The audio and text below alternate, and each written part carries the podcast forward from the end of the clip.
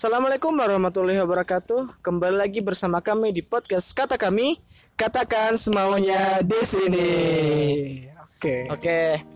eh, di podcast kali ini kita akan membahas tentang eh, 10 November yaitu Hari Pahlawan.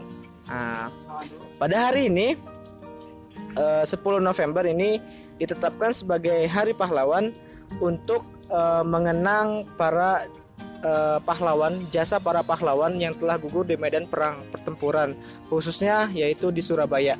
Nah, ini menarik nih. Eh, apa saja sih eh, esensi atau eh, Hari Pahlawan yang bisa kita ambil gitu eh, pelajarannya? Mungkin sebelum itu kita akan kenalan dulu ya, karena di samping saya sudah ada eh, teman-teman atau sudah ada ya orang yang luar biasa lah gitu ya. Sebelah kanan saya ini ada, oh, mungkin bisa langsung dikenalkan sendiri ya. Oke, silahkan. Siapa namanya? Nama saya Rian Trianoto dari kami UIN Bandung ya. Oke, dia suka eh, merendah ya. Ini ini Tum Rian, dia itu selaku eh, ketua umum kami UIN Bandung periode 2021 2022. Ya. Oke, itu ya. Eh, ini eh, jabatannya luar biasa gitu, paling tinggi. Kisah sini dong. Yo yo siap. Oke, di sebelah kiri saya ada Hafid. Siapa namanya? Nama saya Hafid, Dari saya anggota Sosmas. Oke, ini ya ya Sosial masyarakat ya. sosial masyarakat. Ya, yang sering ngasih-ngasih bantuan gitu. yang menyalurkannya. Nah, oke. Eh, saya sendiri tuh Muhammad Jafar Sidik dari Kominfo ya, Komunikasi Informatik.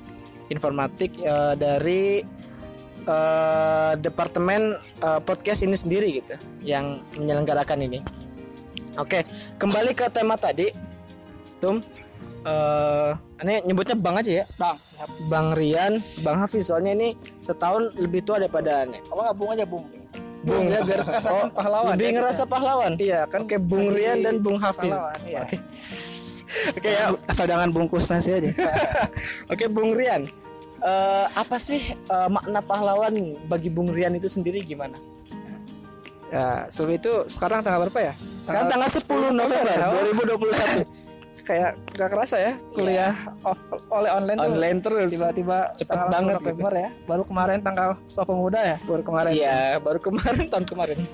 Enggak, 28 Oktober kan kemarin Sumpah Pemuda. Sumpah Pemuda tanggal 28 Oktober. Ya, sekarang udah memperingati hari besar lagi ya, Hari Pahlawan. Pahlawan.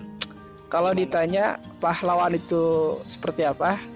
Kalau menurut saya ya gitu, pahlawan itu adalah seorang yang berjuang, yang berkorban untuk kemaslahatan orang gitu, untuk memperbaiki hidup orang menjadi lebih baik gitu. Secara definisinya ya, definisinya gitu.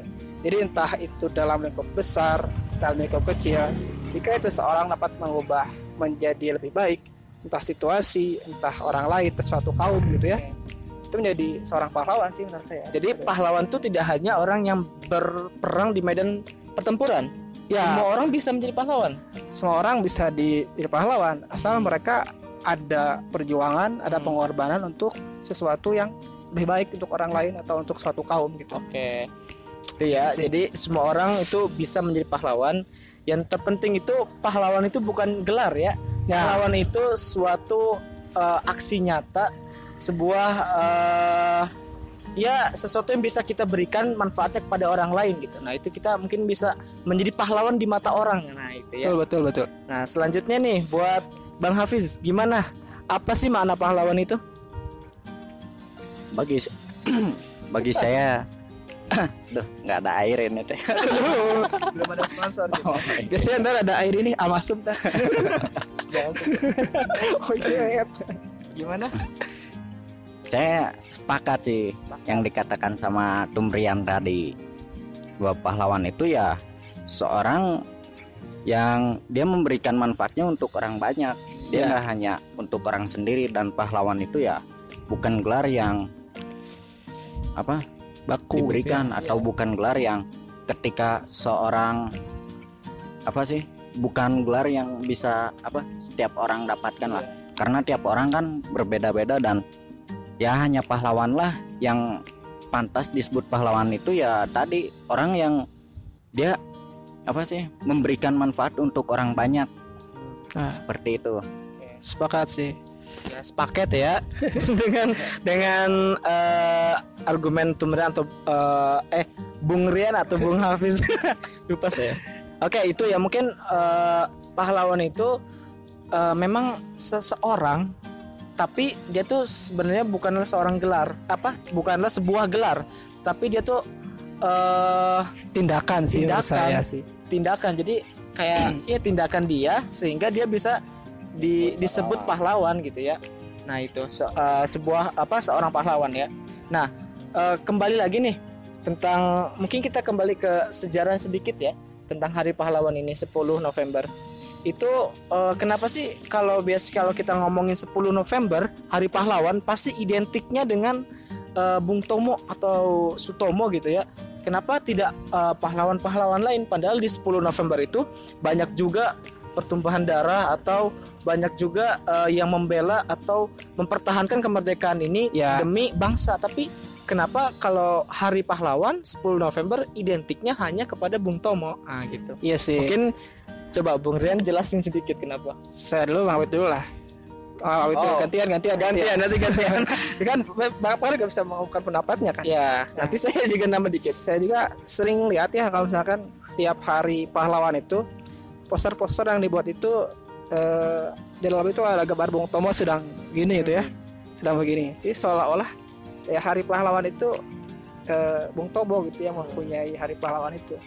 Padahal memang ya bukan berarti Bung Tomo bukan pahlawan ya di sini, Iya. tapi eh, banyak gitu ya perjuangan-perjuangan lain di daerah lain itu perjuangannya luar biasa gitu ya perjuangan luar biasa tidak kalah dengan di Surabaya kenapa yang diangkat itu atau identik dengan Bung Tomo karena memang eh, pada saat itu juga pertempuran terjadi di Surabaya ya. Saat itu eh, setelah Indonesia merdeka kemudian pada bulan Oktober pada bulan Oktober itu tentara Inggris datang kembali ke negara Indonesia dan alih-alih untuk membantu mereka di Indonesia ya Hmm. membantu Indonesia merdeka.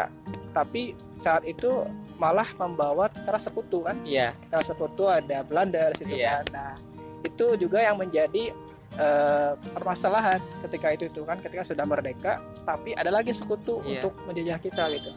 Nah pada saat itu sebenarnya Bung Tomo ini bukanlah seorang yang terdepan bukan bukan terdepan bukan yang punya jabatan gitu ya. Iya. Bukan militer bukan juga iya kan. dasarnya iya. Tomo ini adalah sebuah seorang jurnalis ya. Jurnalis. Seorang jurnalis seorang jurnalis nah namun beliau mempunyai keresahan. Iya. Oleh keresahan kemudian eh, pengorbanan yang memang begitu besar. Karena begitu beliau itu berani bersuara terus bisa mengobarkan semangat area-area Surabaya pada saat Wah, itu.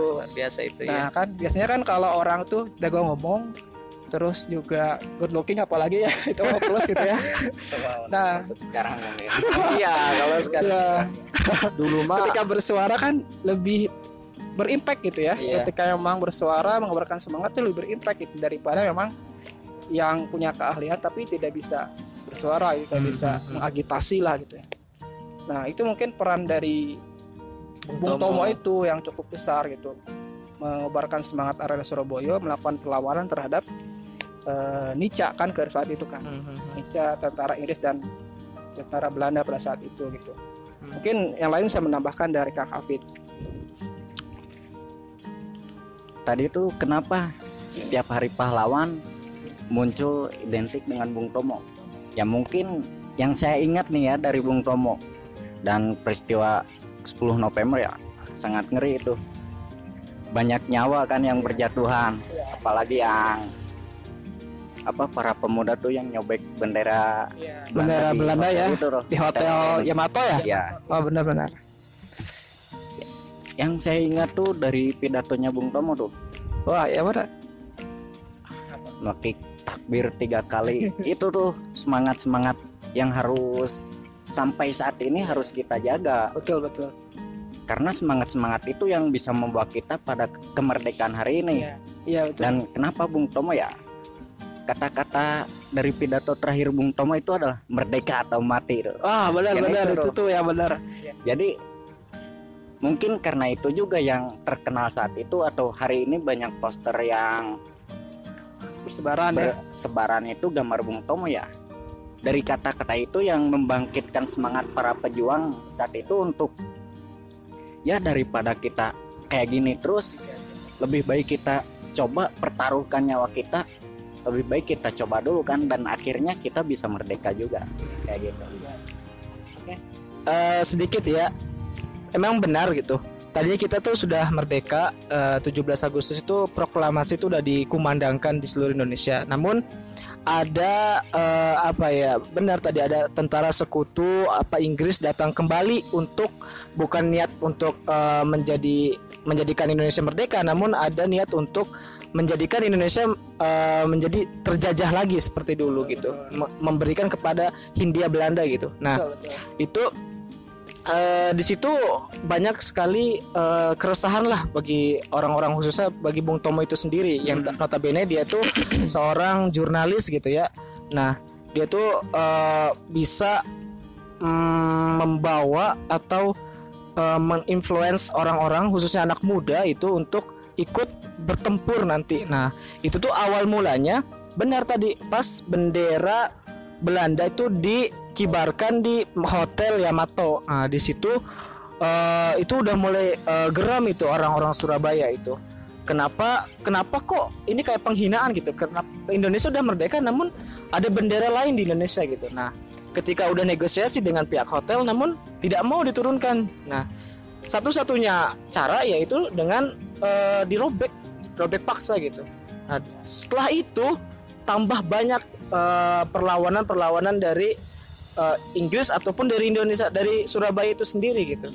Nah, ketika itu mereka itu meminta Soekarno untuk eh, gencatan senjata untuk mendamaikan. Namun alih-alih eh, damai tambah parah gitu. Sehingga puncaknya itu terbunuhlah eh, Brigadir Jenderal Walabi ya. ya itu Ya, ya. itu dia sebagai pimpinan tentara Inggris ah, dia dibunuh ya nah Inggris tidak tinggal diam di situ Inggris eh, memberi ultimatum kepada eh, khususnya di Surabaya bahwasanya untuk menyerahkan seluruh senjata yang ada dan untuk tidak ada perlawanan lagi untuk mereka. Wah, orang Surabaya tambah panas wal- eh, ketika ada ultimatum itu.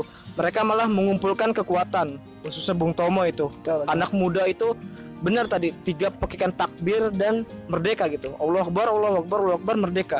Dengan eh, kalimat-kalimat itu membuat eh, semangat anak muda itu un- ya bangkit gitu ketika melawan eh, penjajah gitu. Nah di situ juga eh, tidak hanya pihak nasionalis tidak hanya pihak orang-orang sipil tapi ada juga pihak dari eh, agamis atau ulama gitu. Nah, salah satunya itu dari eh, kita pernah dengar ya revolusi jihad itu. Nah, itu itu pas hari itu juga dikumandangkan ketika eh, akan 10 November itu. Nah, itu oleh pemi- eh, pimpinan pondok Tebu Ireng sekaligus pendiri Nadatul Ulama yaitu Kiai Haji Hasim Asyari gitu untuk membangkitkan semangat para santri itu untuk membela tanah air. Hmm. Nah di situ ketika eh, pertempuran itu tidak sebentar, Ya, betul. itu sekitar tiga minggu ya. Mm-mm. Jadi sangat lama dan kenapa eh 10 November ini dikenal dikenang sebagai Hari Pahlawan yaitu karena pertempuran 10 November ini adalah pertempuran terbesar terberat bangsa Indonesia melawan kolonial Belanda atau kolonialisme lah semuanya. Ya Ya, juga pakai ini sih. Mereka bawa senjata juga, bawa rudal, bawa 50 serdadu. Mereka Siapa? Inggris. Dari, iya dari Inggris tuh. Hmm. Ya, sedangkan kita kan dengan kekuatan seadanya ya melawan tentara Inggris. Memang pada saat itu kita apa banyak yang berguguran ya. Hmm. Tapi orang Indonesia sudah melihat perjuangan dari area-area Surabaya itu mempertahankan kemerdekaan. Itu kita sudah anggap luar biasa dengan keikhlasan ya kan perjuangannya. Para santri juga para aktivis semua itu berkumpul ya luar biasa lah pada saat itu emang. Memang kita patut ya untuk mengangkat momen itu sebagai momen pahlawan sih. Iya. Sepakat sepakat sih. Ya itu ya. Ada tambahan? Ada ya. Tapi Sutomo Wih, Budi Utomo itu kan namanya Sutomo kan ya? Nama aslinya kan Sutomo ya? Sutomo, iya. Ya, mungkin ada yang belum tahu ya. Iya. Iya. Bukan Budi Utomo namanya kan, Bukan tapi Budi Utomo mah. Budi itu Kayak nama Dahlan yang ini kan Budi Utomo. bukan. Bukan, bukan ada lagi. Oh, bukan. Budi Utomo itu nama pergerakannya. Oh, nah iya nama pergerakannya. Iya, nama pergerakannya Budi Utomo, tapi nama orang itu yang menggunakan lah Sutomo. Sutomo atau Bung Tomo yang sering kita dengar gitu ya. Iya, Bung Tomo ya. Oke. Itu sih. Itu ya emang perjuangannya eh, sudah lama tapi setiap tahun kita memperingatinya gitu untuk Iya. kita terus mengenang jasa para pahlawan yang telah gugur khususnya ya.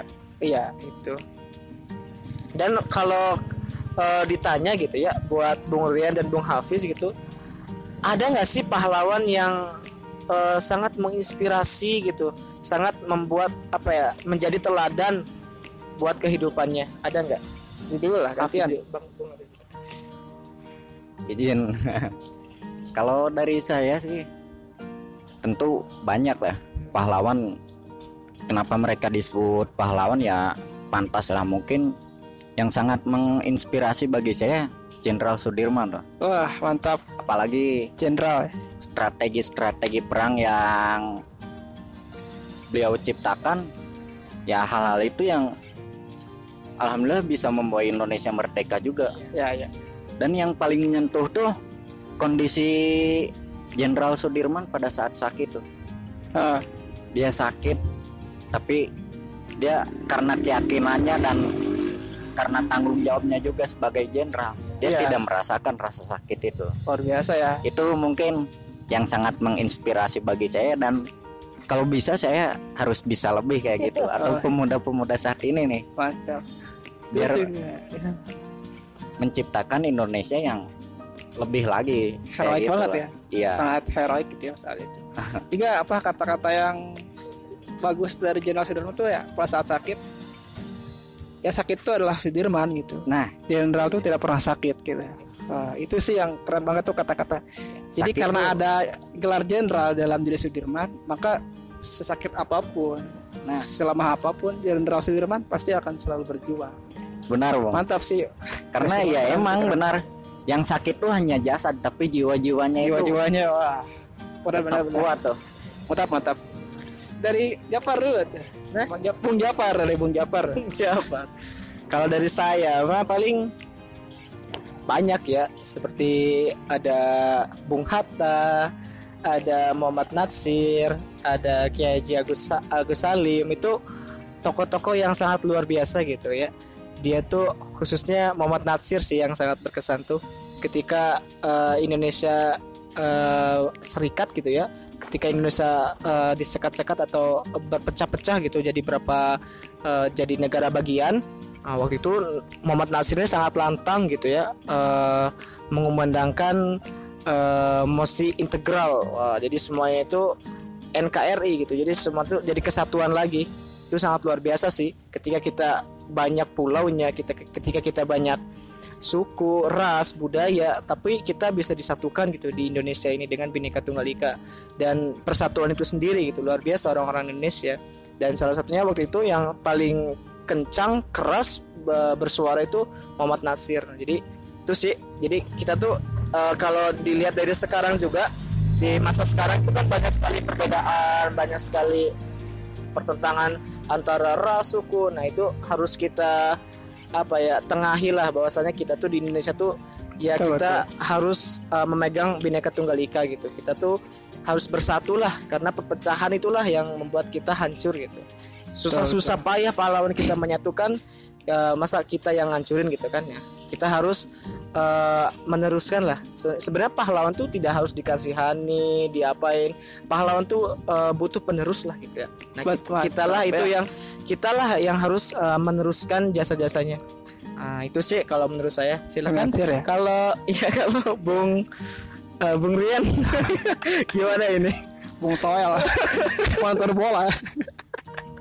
Oh, iya. Jadi kita lagi di tengah-tengah ini ya.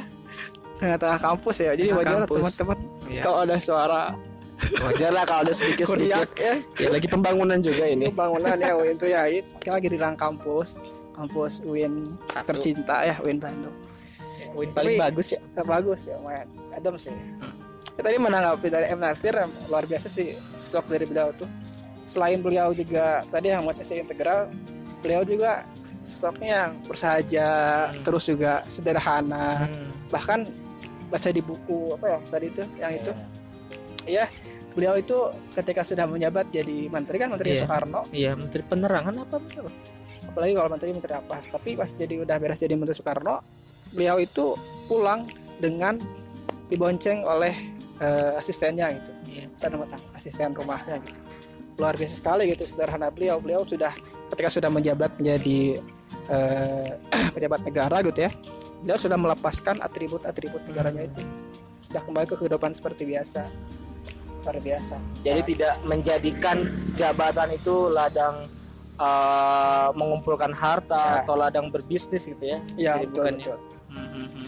Nah, kalau dari saya pribadi ya, Haji Agus Salim yang menjadi teladan saya, pahlawan teladan saya pada saat itu, pada saat Agus Salim eh, berjuang untuk kemerdekaan Indonesia, karena Haji Agus Salim itu sosok yang jenius ya, Jenius banget. sosok yang jenius. Beliau itu hafal 9 bahasa, gitu. Hmm, hafal 9 bahasa, Eropa, Belanda, Prancis, sampai-sampai eh, orang-orang Eropa pun kagum melihat kepintaran dari eh, Agus Salim ini gitu. Salim. Kan beliau itu sekolahnya di ini ya, sekolah di Belanda gitu, Belanda. sekolah di Belanda, buatan Belanda sih, buatan Belanda. S1 juga sekolah yang memang teman-temannya para para orang-orang Belanda semua gitu ya. Tidak pintar gimana kan. Kemudian juga setelah lulus beliau kerja di eh, intelijen gitu, politik intelijen apa ya politik intelijen Netherlands atau apa, apa lagi pokoknya beliau tuh bekerja sebagai intelijen bertugas untuk memata-matai eh, ini apa Serikat Islam Iya, Serikat SI Islam. SI, yang ya. Dikepalai oleh Hosho Kramirato. Guru Nah, bangsa itu. ya beliau itu digaji sangat besar di situ di intelijen tuh 75 eh, apa ya apalagi tadi dekat ya dekat anu apa lagi soalnya Santai. Nah, beliau itu eh, kerja di PT di politik intelijen itu untuk mengawasi rakyat Islam Hmm. yang Hosho Kaminoto. Nah, itu tuh ketika beliau ditugaskan untuk memata-matai Hosho Kaminoto, ternyata beliau itu berbalik arah, Hmm. Berbalik arah bergabung dengan Hosho Kaminoto Iya, malah bergabung. dengan rakyat Islam Iya. gitu kan. Nah, ini membuat eh, Belanda ini marah besar terhadap Agus Salim gitu ya Hmm. dengan kejeniusannya dia berbelot gitu kepada bahasa Indonesia akhirnya beliau bergabung dan mendirikan dan berjuang bersama Sokraminto di situ gitu Hmm. nah kemudian juga eh, beliau itu adalah yang berjasa dalam kemerdekaan Indonesia beliau itu seorang diplomat juga diplomat yang eh, bernegosiasi dengan negara-negara Mesir, Iya. Lebanon pada saat itu untuk mengakui kemerdekaan Indonesia Iya, iya, secara de jure, secara Iya. de jure. Kan kita tahu kan Palestina juga kan mengakui negara kita merdeka. Karena kan syaratnya Indonesia negara sebuah negara mereka itu adalah pengakuan dari negara lain. legitimasi ya. Nah, dari itulah Agus Haji Agus Salim itu negosiasi dengan Mesir, Lebanon, Palestina. Beliau lah yang berjasa juga gitu. Hmm. Jadi jangan melihat juga pahlawan itu hanya berperang gitu kan ya Iya iya iya iya. tapi kan banyak unsur-unsur dalam menjadikan sebuah negara itu merdeka gitu kan Hmm. nah, itu sih yang luput dari kita juga pandangan ya seperti itu Iya. Jadi ya sosok Kiai Haji Agus Salim ini seorang eh, diplomat yang unggul gitu ya. Sehingga kita tuh mendapat legitimasi dari negara-negara lain bahwa kita tuh eh, merdeka gitu. Khususnya di sidang PBB waktu itu. Oke. Eh, itu ya. Terus eh, yang terakhir nih, mungkin pertanyaan terakhir. Eh gimana sih harusnya kita jangan terakhir lah nanti ada lagi lah Oh iya maksudnya ada lagi podcast ini yang Nah, ini. maksudnya ntar bisa ada bahasan lagi Oh nanti ada lagi. terus aja, Oh nanti ada pertanyaan lagi nih. Ah, Oke terus lagi. boleh. Nih sekarang nih dari saya dulu ya. Eh, gimana kita memaknai kemerdekaan? Gimana kita memaknai Hari Pahlawan ini? Apakah kita senang atau kita harus eh, udah dah udah merdeka dah mager-mageran gitu ya atau gimana gitu? Nah, itu sih mungkin pertanyaannya. Silakan. Oh iya. Memaknai Hari Pahlawan ini tentu saja kita ya harus senang lah. karena yang kita ketahui dulu mereka disebut pahlawan itu ya karena berperang juga kan. Selain berperang ya kayak yang tadi Agus Salim kalau diplomasi dan keahlian-keahlian lainnya ya jadi kita merdeka itu juga bukan hanya karena perang atau bukan karena otot. Kalau dulu saja kita berperang memerlukan otot masa sekarang kita harus leha-leha lah. Gimana nanti kalau ada penyerangan lagi kan tentu saja kita harus siap kan Siap-siap. nah kayak gitu jadi selain kita harus mengingat-ingat atau membaca-baca sejarah lagi tentunya kita juga harus melatih diri dan kita usahakan lah ya walaupun saya juga sering lah rebahan tapi kita Ya, sedikit-sedikit kita ubah lah. Iya gitu. Karena memperjuangkan atau mempertahankan itu yang lebih sulit kan. Ketika kita menginginkan sesuatu, kita pasti belajar dengan sungguh-sungguh. Nah, ketika kita telah mendapatkannya, otomatis kita harus bisa mempertahankan hal itu. Jangan sampai apa yang telah kita dapatkan direbut kembali oleh orang lain. Seperti itu. tapi lebih berat itu melawan bangsa sendiri sih Nah, sekarang iya. kan perjuangan Melawan- kita berat Lebih- memang ya iya. melawan bangsa penjajah Eh, tapi perjuangan Kalian depan lebih gitu berat ya, lagi. kalian lebih berat karena melawan bangsa, Bangsa sendiri. sendiri. gitu. karena musuh dalam selimut itu yang kadang itu Nggak diketahui di dalam daging ya. itu kan Kelihatannya Kalau teman. kan jelas maksudnya iya Iya. kalau sekarang kan kita nggak tahu siapa tahu ini musuh di belakang kan nggak tahu kayaknya sih Bener awan nih. eh, gitu sih itu dari Bung Hafiz ya. Kalau dari Bung Rian nih apa sih gimana sih cara kita memaknai hari pahlawan ini? Kalau menurut saya eh, salah satu kita menghargai pahlawan atau memaknai pahlawan intinya sih jas merah gitu kan ya. Jangan sekali Sekali-kali lupakan melupakan sejarah, sejarah. ya. Bukannya sejarah bukan hanya peristiwa saja gitu ya. Kita ingat bahwa wah ini hari besar hari besar. Bukan hanya itu tapi kita berusaha untuk mendalami biografi para tokoh pahlawan kita gitu. Karena orang-orang besar juga pasti tindakannya tindakan besar gitu ya. Nah tindakan-tindakan itu yang perlu kita eh, tiru gitu. Yang perlu kita eh, inspirasi juga gitu ya teman-teman. Karena pasti dari sejak kecilnya juga gitu kan bagaimana eh, para pahlawan ini melakukan aktivitasnya, cara berpikirnya, juga kan buku-bukunya juga apa yang dibaca itu pun mempengaruhi tindakan-tindakan para pahlawan kita gitu. Menurut saya itu sih perlu mendalami minimal satu biografi pahlawan lah. Entah itu mungkin dari pahlawan Indonesia atau mungkin pahlawan Islam gitu ya. Yang penting eh, kita ada suatu sosok teladan yang Iya. perlu kita eh, tiru gitu ya. Iya. Gitu sih. itu ya dari Bung Rian kalau dari saya ya memaknainya itu ya kita harus bersyukur ya kita sudah merdeka sampai saat ini. Dan sampai saat ini eh, masih kehitungnya masih tentram lah Indonesia. Dan eh, jangan sampai terlena gitu dengan kemerdekaan. Bahwasanya ya kalau udah merdeka udah enggak. Kita masih banyak PR ke depan. Indonesia harus jadi negara maju Indonesia harus jadi eh, negara superpower dan yang lainnya gitu ya. Dan sebagai seorang pemuda khususnya kita sebagai mahasiswa ya kita harus kalau tidak bisa berperang dengan pedang ya kita berperang dengan pena gitu ya atau sekarang lewat laptop atau lewat eh, komputer gitu nah kita harus terus belajar gitu kalau zaman dulu aja ada yang bisa 10 bahasa ya harusnya kita harus lebih bisa ya karena dulu belajarnya gimana susah gitu kalau Iya. sekarang mah kan lebih gampang belajar lihat Google, YouTube atau yang lainnya gitu. Jadi eh, lebih banyak eh, kemudahan di zaman sekarang. Jadi kita harus lebih dari orang-orang zaman dulu harus ada seperti itu. Dan kalau eh, memaknainya juga ya kita harus menghargai para pahlawan dan keturunannya kalau menurut saya ya. Soalnya banyak sekali veteran-veteran sekarang yang dulu tuh seorang pahlawan yang udah tua sekarang tuh apa kehidupannya tuh nggak sejahtera gitu Iya, iya. kehidupannya eh, susah, makan susah gitu. Nah, orang-orang veteran yang kayak gitu harusnya dibiayai oleh negara kalau menurut saya mah. Karena ya mereka tuh sangat berjasa lah buat kemerdekaan eh, Indonesia ini gitu. Nah, itu sih. Iya. Ada lagi?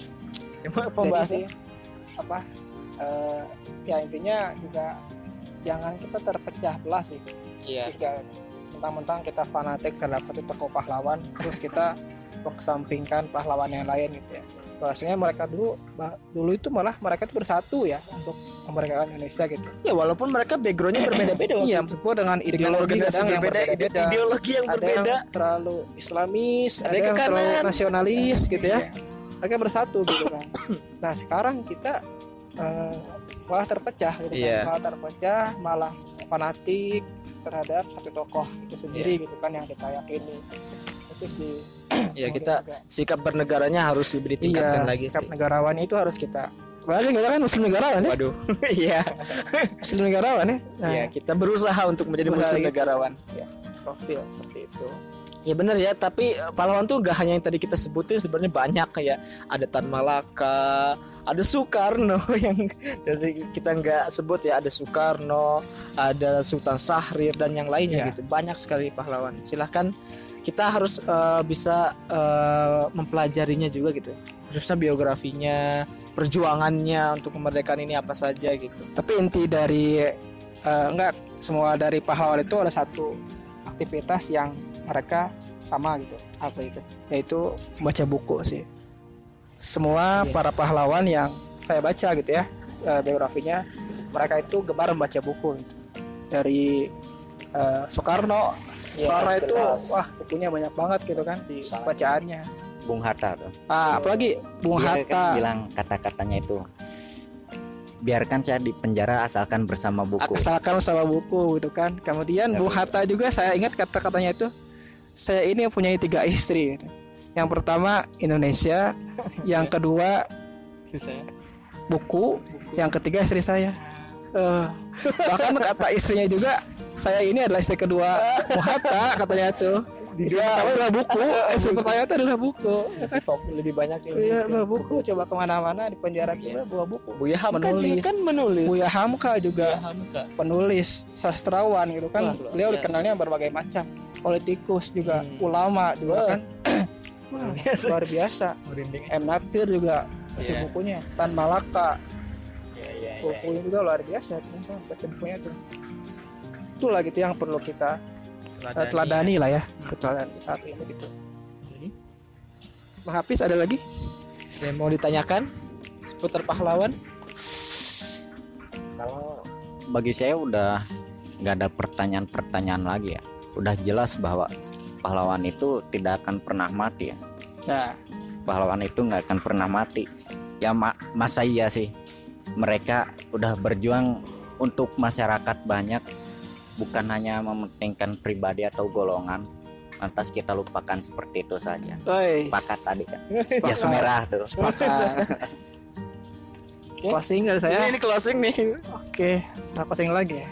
Kalau dari saya mungkin simpel ya, eh, pahlawan itu ketika kita melakukan tindakan gitu ya. Jadi bukan siapa tapi apa, apa yang dilakukan oleh seorang itu. Maka dia akan jadi siapa gitu akhirnya itu pahlawan. Itu sih, yang penting berimpact untuk kemaslahatan orang ataupun menjadikan sesuatu itu lebih baik. Itu sih. Juga pahlawan. eh, jangan hanya pencitraan gitu ya, hanya pengen dia tuh pengen dilihat tapi seorang pahlawan sejati itu nggak pernah mengharapkan pengen dilihat, pengen dikenang enggak. Mereka tuh ya semata-mata untuk eh, untuk Indonesia gitu, kepentingan eh, bangsa ini gitu. Kalau dari saya itu dikit ya. Kematian itu ada dua. Yang pertama itu kematian jasad ya. Ketika kita udah jasad sudah mati itu udah mati. Yang kedua itu ketika kita ketika kita mati dan nama kita tidak pernah disebut lagi oleh orang. Nah, itu itu kematian sesungguhnya. Ya walaupun kita udah mati tapi nama kita sering diingat, kebaikan kita sering diingat, kelakuan kita sering diingat, perjuangan kita sering diingat. Nah, itulah yang menjadi pahlawan yang ses- sesungguhnya gitu. Betul. Nah, itu sih. Ini Malaka sih. Mungkin suara saya ketika hidup sudah dengar, tapi Hmm. suara saya ketika sudah meninggal, maka suara saya akan lebih bergemetar gitu. Dan terbukti kan sekarang juga banyak quote quotesnya kan, Iya, quotes quotesnya buku-bukunya kan viral gitu ya, entah itu dari kalangan misalkan nasionalis dan lain sebagainya. Mereka luar biasa sih. Keren Oke. keren keren. Kelihatan gitu tadi. Keren ya. tadi. Oke, mungkin itu saja. Ada tambahan lagi? Cukup. Intinya jangan jas merah ya Jangan sekali-kali lupakan sejarah sejarah. Jangan jangan sampai dilupakan lah sejarah itu penting. Betul Kenapa? sekali. Agar eh, kejadian atau tragedi dulu itu tidak terulang lagi gitu. Ya, gitu ya. Oke, mungkin itu saja yang bisa kami berikan gitu ya. Mungkin nanti kita akan lanjut ke podcast podcast selanjutnya, podcast kata kami, katakan semaunya di sini. Oke, sekian. Assalamualaikum warahmatullahi wabarakatuh.